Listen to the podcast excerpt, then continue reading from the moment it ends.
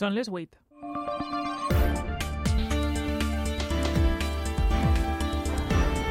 A punt. Les notícies de la nit. Amb Sara Garcia. Hola, com estan? Vivim les últimes 4 hores de la campanya electoral del 23J. Campanya atípica per la data en què se celebren els comicis en ple estiu i per la convocatòria sorpresa que va fer Pedro Sánchez després dels resultats de les eleccions locals i autonòmiques del 28 de maig. En este context de calor i amb els governs autonòmics com el valencià acabats de constituir, els partits que tenen fins a la mitjanit per atraure el vot apuren els últims moments de campanya.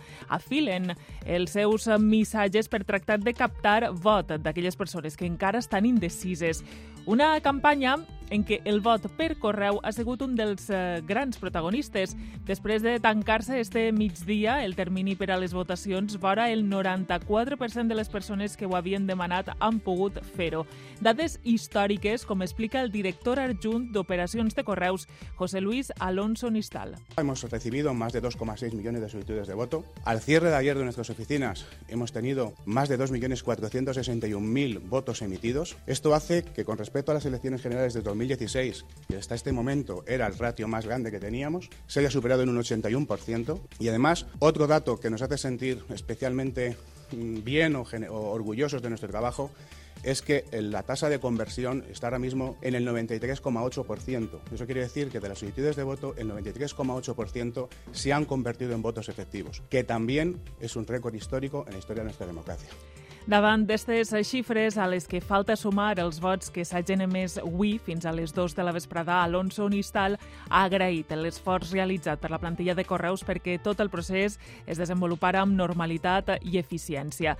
I mentrestant, estem a punt de tancar la campanya electoral i avui s'ha celebrat, mentre estem a punt de tancar aquesta campanya electoral, avui s'ha celebrat el primer ple del nou govern valencià on s'ha pres una primera decisió, la d'eliminar l'impost de successions i donacions amb efectes des del 28 de maig. Ho ha anunciat el mateix president Carlos Mazón. Nunca más volveremos a pagar dos veces por el esfuerzo y el sacrificio de toda una vida. D'altra banda, també els explicarem que demà a aquestes hores estarà en llibertat a Joaquín Ferrandiz, l'assassí de cinc dones entre el 1995 i el 1998 a les comarques de Castelló. Ha complit 25 anys dels 69 a què va ser condemnat per estos crims dels quals mai ha mostrat penediment. Qui va ser el fiscal del cas pensa que Ferrandiz pot tornar a matar. Ho veurem. I per últim, per acabar amb una nota més positiva, escoltarem Xúquer Vivents, la cançó creada especialment per a celebrar els 20 anys de Xúquer Viu. I en esports, el futbol valencià es prepara per a encetar l'escalfament previ a la Lliga Paco Cerdán. Bona vesprada. Bona vesprada, Sara. El València ja es troba a Eslovàquia iniciant l'estada de pretemporada. Demà s'enfronten a l'Espartak de Ternava i amb l'expedició valencianista no viatgen cinc jugadors, entre ells Castillejo i Cavani. Sí que viatja Yunus Musa, per a qui encara no s'ha concretat cap acord amb el Milan, club interessat en el jugador. Després ho ampliem, com també l'estrenant victòria de la selecció femenina al Mundial de Nova Zelanda. Al voltant de les 8 i 25, més esports eh, a les notícies de la nit. Ara moment de conèixer la previsió de l'oratge. Avui, de nou, mínimes elevadíssimes al litoral, màximes una miqueta més baixes i quedem a l'espera del canvi de temps de demà. Bona vesprada, Javi Miró. Bona vesprada, Sara. De moment, jornada marcada per l'ambient assolellat, algun núvol baix en punts del litoral que ja comencen a fer-se presents i és que a partir d'esta mitjanit ens entra un flux de vent de llevant, de vent de gregal, que farà que demà sigui una jornada marcada per la nuvolositat, sobretot en punts del litoral, per litoral central de matí, i després aquesta nuvolositat es traslladarà cap al nord, amb probabilitat d'algun ruixat, però que seria dèbil. Temperatures màximes que baixaran clarament, valors com a molt entre els 32 i els 35 graus, cap a l'interior fins i tot per baix dels 30, ho agrairem, cal aprofitar aquestes hores d'impàs, però el que sí que hem de dir és que les mínimes continuaran elevades, sobretot en punts del litoral, amb valors de nou per damunt dels 25. Destacar que tenim tempestes actives cap a l'extrem nord, amb imatges molt espectaculars des de Morella, les veurem a, a l'informatiu i a l'oratge i repassarem els acumulats, però s'han superat els 20 litres per metre quadrat, i destacar que de cara a diumenge tornen a pujar les temperatures màximes. Eh, ho veuran a l'informatiu de la tele. Així eh, ja ens ho ha contat, eh, uns 20 litres s'han acumulat a Entre Morella. 20 i 30, sí. No està malament. No, no, i les imatges són... És que ha vingut acompanyada de pedra i de granís Mm. i de molta pluja en poc temps, per tant, saben com és Morella, que són tot costeres i són imatges molt, molt boniques. Doncs eh, convidem a tot el món a que En eh, seguisquen, exacte, seguisquen l'oratge en l'informatiu de la televisió d'Apunt. Moltes gràcies, Javi. Adéu, Sara. Escoltes a punt. Les notícies de la nit.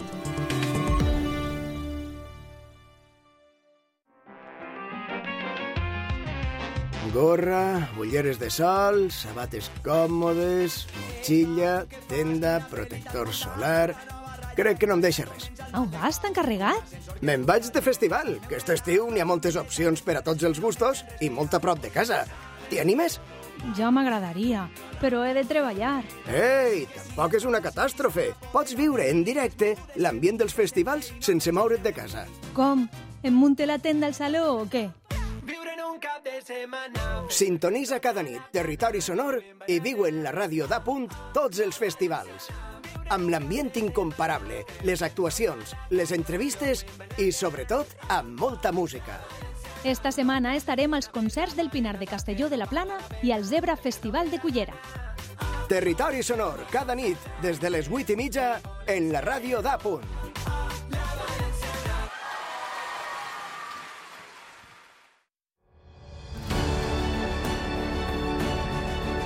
Eleccions Generals 2023.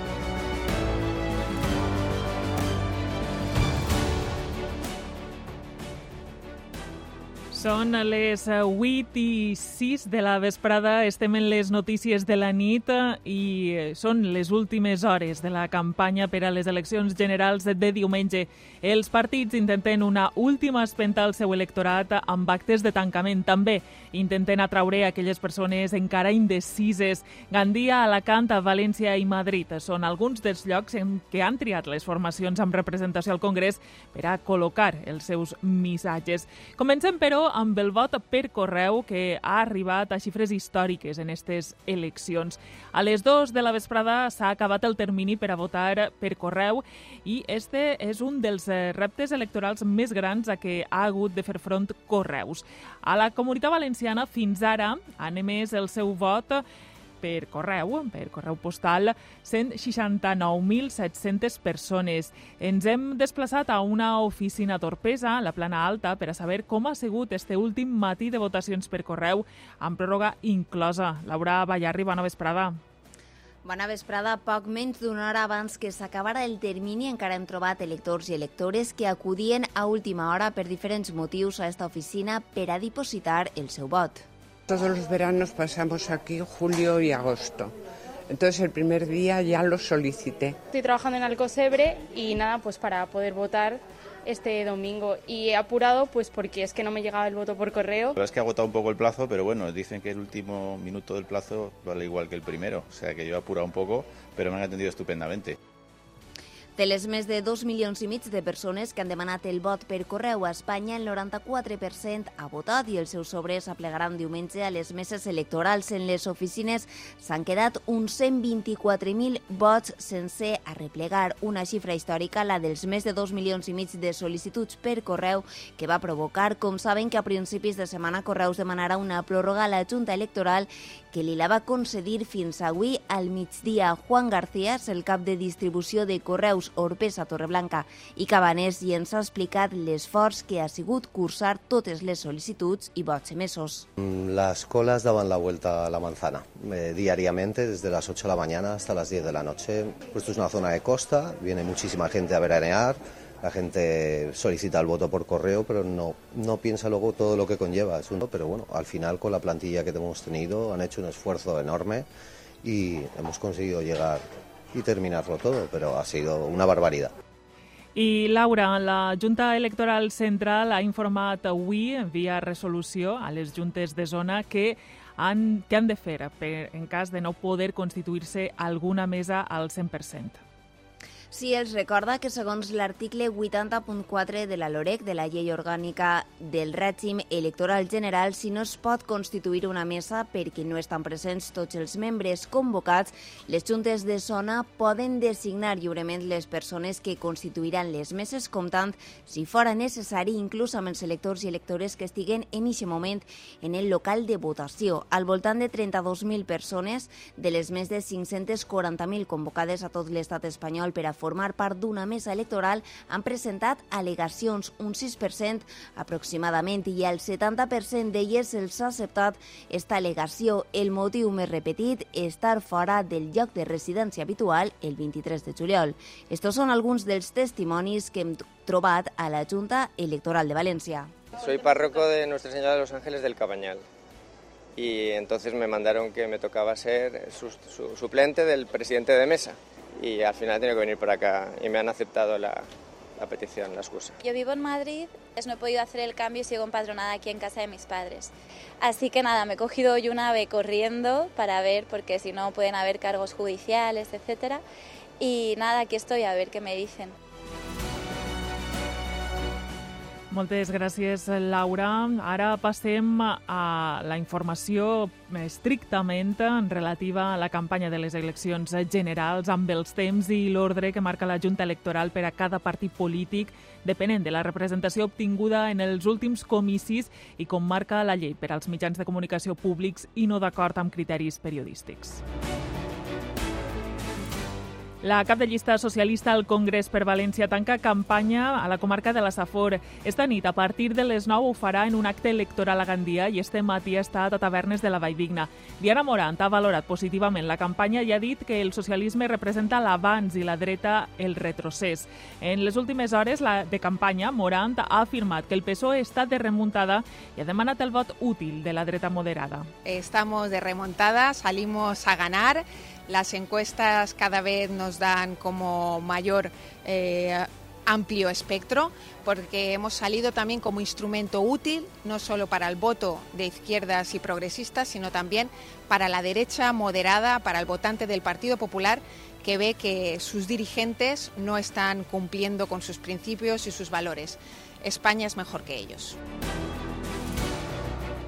Concentrar el vot d'esquerra i dreta al voltant de les sigles del Partit Popular és el missatge de tancament de campanya del cap de llista per València. Esteban González Pons demana als electors la majoria suficient per a governar en solitari amb Alberto Núñez Feijó com a president. Tot i això, ha dit un hipotètic pacte posterior amb Vox estaria dins de la normalitat i ha posat com exemple els governs de coalició en altres països europeus. Hay un gobierno en Italia, hay un gobierno en Suecia, hay un gobierno en Finlandia, hay un gobierno en Austria. Hay tantos gobiernos dentro de la Unión Europea en el los que hay distintas composiciones. Por lo tanto, una posible composición del gobierno español con el PP más Vox no es una composición extraña dentro de la Unión Europea, ni siquiera lo sería en, en Reino Unido, donde el gobierno que tienen está más a la derecha que Vox. Compromís Sumar es mostra orgullós dels seus anys en el botànic i, d'acord amb eixa experiència de govern, vaticina bons resultats en les eleccions generals de diumenge. La cap de llista per València, Agueda Micó, confia obtindre representació al Congrés i el Senat i creu que les polítiques socials de la coalició seran claus en el govern d'Espanya i també per a recuperar el govern de la Generalitat el 2027. És importantíssim la capacitat d'influència que tindrem en la configuració d'un govern d'esquerres, d'un govern valent, d'un govern que faci polítiques per a la majoria social i que, per què no, eh, aconseguir que Yolanda Díaz puga ser la primera presidenta del govern. El candidat a la presidència de Vox, Santiago Abascal, considera que votar PP és una loteria i que l'única alternativa de canvi real per a derogar el sanchisme és votar a Vox. Maria Fornera. Santiago Abascal diu que només Vox s'atreveix a fer el canvi de rumb que necessita el país i llança este missatge sobre el Partit Popular. España está preparada para expulsar a Pedro Sánchez y a sus cómplices del gobierno. Hoy votar al Partido Popular y al señor Feijó es jugársela, es hacer una operación de riesgo, es jugar a la lotería, es no saber qué va a pasar y con quién van a pactar después del 23 de julio. La formació d'Abascal tancarà avui la campanya en un acte a la plaça de Colón de Madrid. Els hem donat la informació relativa en l'últim dia de campanya d'aquestes eleccions generals amb els temps i l'ordre que marca la Junta Electoral per a cada partit polític segons la representació en les últimes eleccions de 2019 i com marca la llei per als mitjans de comunicació públics i no d'acord amb criteris periodístics.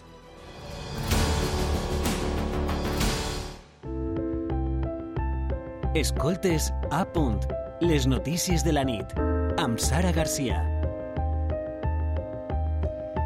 Continuem amb política per explicar-los eh, que avui ha tingut lloc la primera reunió del Consell de Mazona a Alacant i primera decisió, eliminar l'impost de successions i donacions amb efectes des del 28 de maig. Considera el president de la Generalitat que és una qüestió de justícia i dignitat i que ajudarà a reactivar l'economia. Ha assegurat que la supressió de la taxa turística és la pròxima prioritat i que està preocupat pel deute i el dèficit de la Generalitat. Una crònica d'Adelaida Ferre. Estrena del nou Consell de Carlos Mazón. Els consellers i conselleres desembarquen a Alacant. El Museu Arqueològic és l'escenari triat per a celebrar la primera reunió del nou govern valencià del PP i Vox. Després de la foto de família de rigor, mans a la feina i primera decisió que ha anunciat el mateix president. Estamos hablando de la modificación de toda una ley, de la supresión de sucesiones y de donaciones para hijos y para padres, para hijas y para madres. Una promesa electoral que es fa realitat i que tindrà efectes des del 28 de maig. Nunca más volveremos a pagar dos veces por el esfuerzo y el sacrificio de toda una vida. Amb estos dos impostos, el Botànic havia previst recaptar 392 milions d'euros. Mazón considera que l'eliminació d'aquest impost és una qüestió de justícia i diu que tindrà un efecte immediat. Por tanto, va a provocar una reactivación eh, económica. I dona una xifra. En la legislatura passada, 20.800 valencians van renunciar a l'herència. El primer trimestre d'enguany, les renúncies han pujat un 25%. El pas següent serà iniciar els tràmits per a suprimir la taxa turística. Assegura Amazon que el Consell està preocupat pel deute i el dèficit de la Generalitat. I Toni Pérez és ja el nou president de la Diputació d'Alacant. Ell també alcalde de Benidorm ha sigut avui elegit amb els 16 vots dels diputats del seu partit, el Partit Popular, que va obtindre majoria absoluta en les eleccions passades. En la sessió de Constitució també han pres possessió els 31 diputats i diputades que conformen la cambra provincial, 13 socialistes, un de Compromís i un més de Vox, eh, que per primera vegada entra en la institució. Pérez ha fet un discurs continuista de la tasca tasca encetada pel seu antecessor, Carlos Mazón, actual president de la Generalitat, que ha assistit a l'acte. Toni Pérez, president de la Diputació. Cuidar el que funciona. El turisme és molt important per a l'economia no sols de la província d'Alacant, sinó de tota la comunitat valenciana i d'Espanya. I per tant tenim que seguir sent aquest referent europeu, invertint molt en turisme per la seva capacitat de redistribució de riquea, no es deslocalitza i són milers els que vivim d'ell.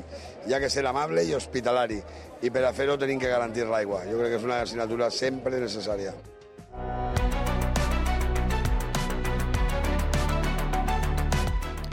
Més eh, coses. Demà eixirà de la presó Joaquín Ferrandiz Ventura, el major assassí en sèrie de la història de la comunitat valenciana. Tindrà prohibit acostar-se durant 5 anys a Castelló de la Plana i a les tres localitats on va cometre els 5 assassinats. Hem parlat amb un dels homes que millor el coneix, Juan Salom, el fiscal del cas. El defineix com un psicòpata de llibre i té por del que puga fer ja en llibertat. Una crònica de Carles González. Amb 25 anys de perspectiva, Juan Salom té ben present i al costat de casa el rastre assassí de Ferrandiz. Pot veure el lloc on matar Sonia Rubio, fou la primera. Després vindrien Mercedes Vélez, Francisca Salas, Natàlia Archelós i Amelia Sandra García. El mateix modus operandi, un assassí en sèrie. Salom fou qui demanà ajuda a l'FBI. Van demanar la col·laboració de l'FBI, de la Unitat de Ciències del Comportament, que va col·laborar, i era el que ens va dir, que si posaven sobre un mapa eh, on estaven, en una creueta, cada una de les víctimes on les havien trobat, si traçàvem un cercle que rodejava totes aquestes creus per la part màxima, en l'assassí vindria, viuria al centre i efectivament ho van acertar. Detingut per fi el juliol de 1998, fou Ferrandiz qui confessà tots els casos. Però si ell no arriba a connectar, a, a dir-nos bueno, jo vaig ser el que va matar a Amèlia i el que va matar a Paqui i a Nati Merche, no hi havia res que no hi havia ninguna huella. Després vindria el juís, 100 testimonis i una condena. 69 anys de presó n'ha complit 25 entre reixes, a 5 anys per assassinat. Más que d'haver matat menys seria per presó permanent revisable. El que ens sap mal és que no està allà, entonces. Abans d'això, Ferrandiz fou condenat el 1989 a 14 anys per una violació. Només va complir-ne 6. Saloma ho tenia clar en aquell moment. Va enganyar a l'equip de tractament de la presó, va enganyar a tots i només els posen en llibertat, que el van posar en llibertat en abril del 95, en setembre ja n'havia matat a 4. I ho té clar ara. Una preocupació, eh, tots la tenim, jo també la tinc. Eh, com haurà evolucionat aquest home? Ferrandiz eixirà d'ací unes hores en llibertat sense saber realment quins són els motius que el portaren a assassinar en sèrie ni si ho tornarà a fer. I Igualtat ha confirmat l'assassinat masclista d'una dona de 54 anys a Humilladero, a Màlaga, com és per la seva exparella, qui ha sigut detingut. La víctima i l'agressor estaven en el sistema Biogen. La dona havia denunciat la seva parella al setembre de 2020, però no s'hi van decretar mesures judicials, per això va quedar inactiva. La víctima va morir ahir de vesprada a l'Hospital Regional de Màlaga, on estava ingressada com a conseqüència d'un traumatisme cranioencefàlic després de telefonar ella mateixa al 112 alertant que tenia dificultats per a respirar. La dona va dir el nom de l'agressor, la seva exparella, als agents de la Guàrdia Civil que la van atendre abans de morir. La dona era mare de tres fills majors d'edat. El seu poble natal ha decretat un día de dol oficial. Ángel Pérez n'és l'alcalde. Pretendemos que se esclarezcan los hechos lo antes posible. Culpable que, que lo pague con toda la, de la ley. Apoyamos a su familia ahora y, y en los próximos meses, todo lo que necesiten, pues desde el ayuntamiento ofrecernos para ayudarle en cualquiera de, la, de las causas que lo necesiten. I amb este crim masclista són 29 dones assassinades per violència de gènere a Espanya en guany i 1.213 des de 2003. Recordem que el 016 és el número d'atenció a les víctimes de violència contra les dones. Està disponible les 24 hores del dia tot l'any. És gratuït i no deixa rastre en la factura telefònica.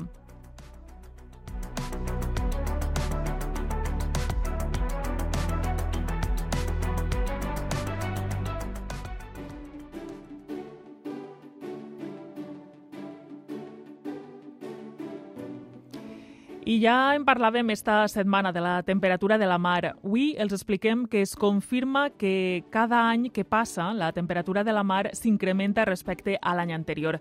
Les veus expertes diuen que estem entre 2 i 5 graus per damunt del que hauria de ser normal.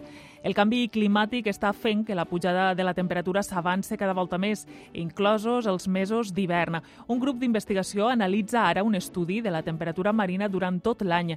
Joan Miquel Llopis. El grup de científics de l'Institut d'Investigació en Ciència Marina de la Universitat Catòlica de València inicia un estudi de la temperatura marina en front d'Orpesa, quan instal·laren un sensor per a monitoritzar la Mediterrània durant un any. Ara han tret la sonda i n'analitzen els resultats. José Tena, director d'Imetmar. Estem enllaçant diversos anys on estem detectant que la temperatura, eh, almenys superficial del mar, està molt per damunt de lo que seria aconsellable o típic de les aigües així en el Mediterrani. I el professor Tena no parla només de l'estiu, també està passant en els mesos més freds de l'any. Estem per un parell de graus aproximadament en els mesos d'hivern de per dalt de lo que habitualment haurien de, de tindre i la mar no, no li dona temps a refredar-se i, i per lo tant la temperatura no acaba de baixar tot el que tindria que baixar. Si mirem la corba de temperatures, veurem que la més baixa és de 13 graus. El problema és que se mantinga en 13,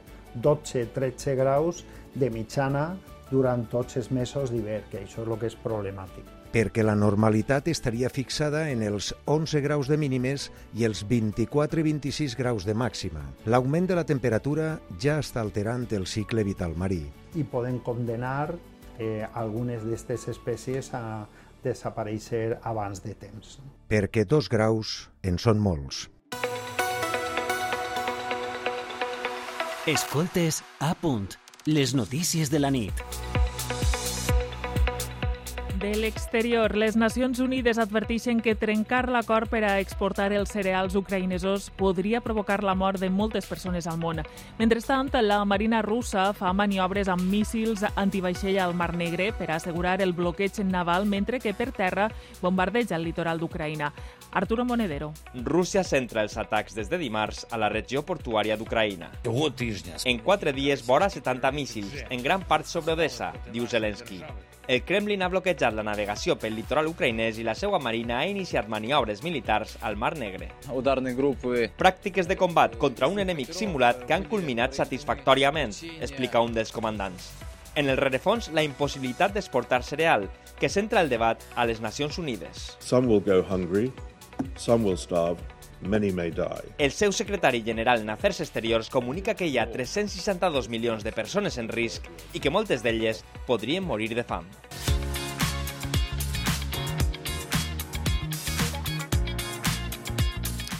Per celebrar els 20 anys de Sugar Viu, ha publicat la cançó Sugar Vivents.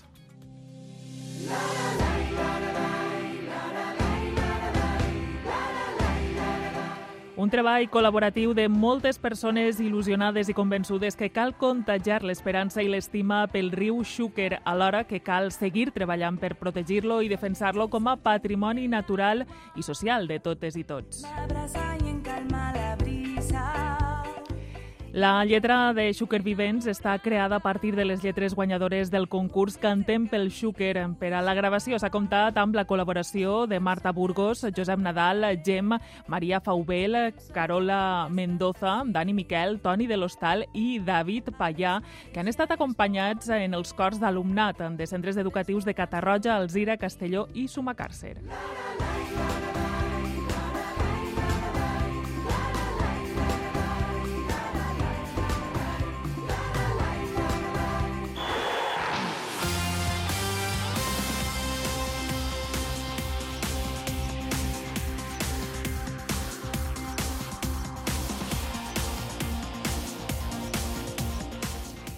I anem amb els esports. Paco Cerdán, el València inicia l'estada de pretemporada a Suïssa. Hola de nou. Hola, Sara. Sí, però la primera parada d'esta mini gira de preparació és Eslovàquia. El València ja es troba en el país centreeuropeu, on demà jugarà el segon partit d'este estiu. Serà contra l'Spartak de Ternava, que celebra el seu centenari. Es tracta d'un club modest, actual campió de la Copa Eslovaca. Després d'aquest partit, l'equip es traslladarà a Suïssa.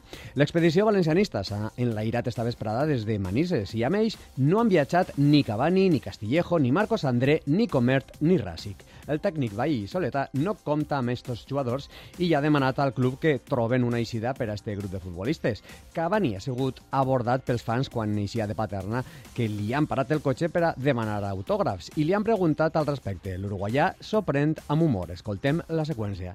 ¿Qué tal, Cavani? ¿Cómo estás? Bien. ¿Qué pasa? ¿No está convocado o qué? ¿Qué tú eres periodista o...? En canvi, viatgen nou jugadors del filial, a banda de Javi Guerra i Diego López. També hi anirà finalment Yunus Musa, a l'espera que es concrete el fitxatge amb el Milan. El segon partit del València en l'estada serà el 25 de juliol contra el Sant Galén suís. I a Suïssa també estava el Villarreal. Estava, tu ho has dit, Sara, perquè esta vesprada s'han desplaçat a Alemanya perquè demà jugaran l'últim partit de la gira contra el Hannover. Un Villarreal que ha recuperat a Gerard Moreno. L'escoltem. Han sido dos años eh, difíciles, pero, pero bueno, me estoy encontrando bien, con confianza, eh, fuerte también en, físicamente y trabajando como, como todos mis compañeros, eh, intentando llegar al inicio eh, de, la, de la liga pues, de la mejor forma posible para, para arrancar fuertes y, y ahí estamos, ¿no? Seguimos trabajando en, en todos los aspectos, eh, tanto físicamente como tácticamente, así que contento de cómo está yendo todo. I tenim alguna novetat en segona divisió? Sí, l'Eldenc s'ha estrenat este matí competint en pretemporada. El del Vinalopó han golejat 0-4 en un amistós contra un equip de la segona divisió anglesa, el mític Sheffield Wednesday. Escoltem Fernando Estevez, l'entrenador. Hemos jugado con un buen equipo eh, que tenía un buen nivel competitivo. Sí, es verdad que creo que viene un poco mermado por la semana que ha tenido, pero no es cierto que al final el equipo ha mostrado un buen nivel y con, con, los ajustes que hemos tratado de hacer A més, el Llevant, que ha presentat les seues equipacions. La primera manté les clàssiques barres blaugrana, mentre que la segona serà amb franges, però blanquiblaves. Les dues incorporen detalls dels taulells del passeig marítim de València. I no deixem el futbol, perquè la selecció espanyola s'ha estrenat amb triomf en el Mundial femení. Les xiques de Jorge Vilda s'han imposat amb claredat en un partit en què les golejadores han sigut Aitana Bonmatí i Esther González contra Costa Rica. Alexia Putellas ha disputat els últims 15 minuts. La valenciana Ivana Andrés ha debutat com a capitana del combinat espanyol. Sentim l'exgranota i, i valencianista. Muy contentas, muy felices. Creo que era importantísimo empezar el Mundial ganando la primera victoria. Hemos tenido muchísimas ocasiones, el balón no, no ha querido entrar, tenemos que seguir insistiendo, seguir mejorando para el próximo partido. També ha jugat els últims 37 minuts la llevantinista Alba Redondo. I hi ha més notícies esportives, però el temps eh, se'ns acaba, així que moltes gràcies, Paco Cerdán. Gràcies a tu, Sara. I posem així punt final a les notícies de la nit d'avui. Com sempre, moltes gràcies per estar a l'altra banda, per triar-nos per a informar-se i ja saben que a partir d'ara l'actualitat és musical amb Territori Sonor. Bona nit.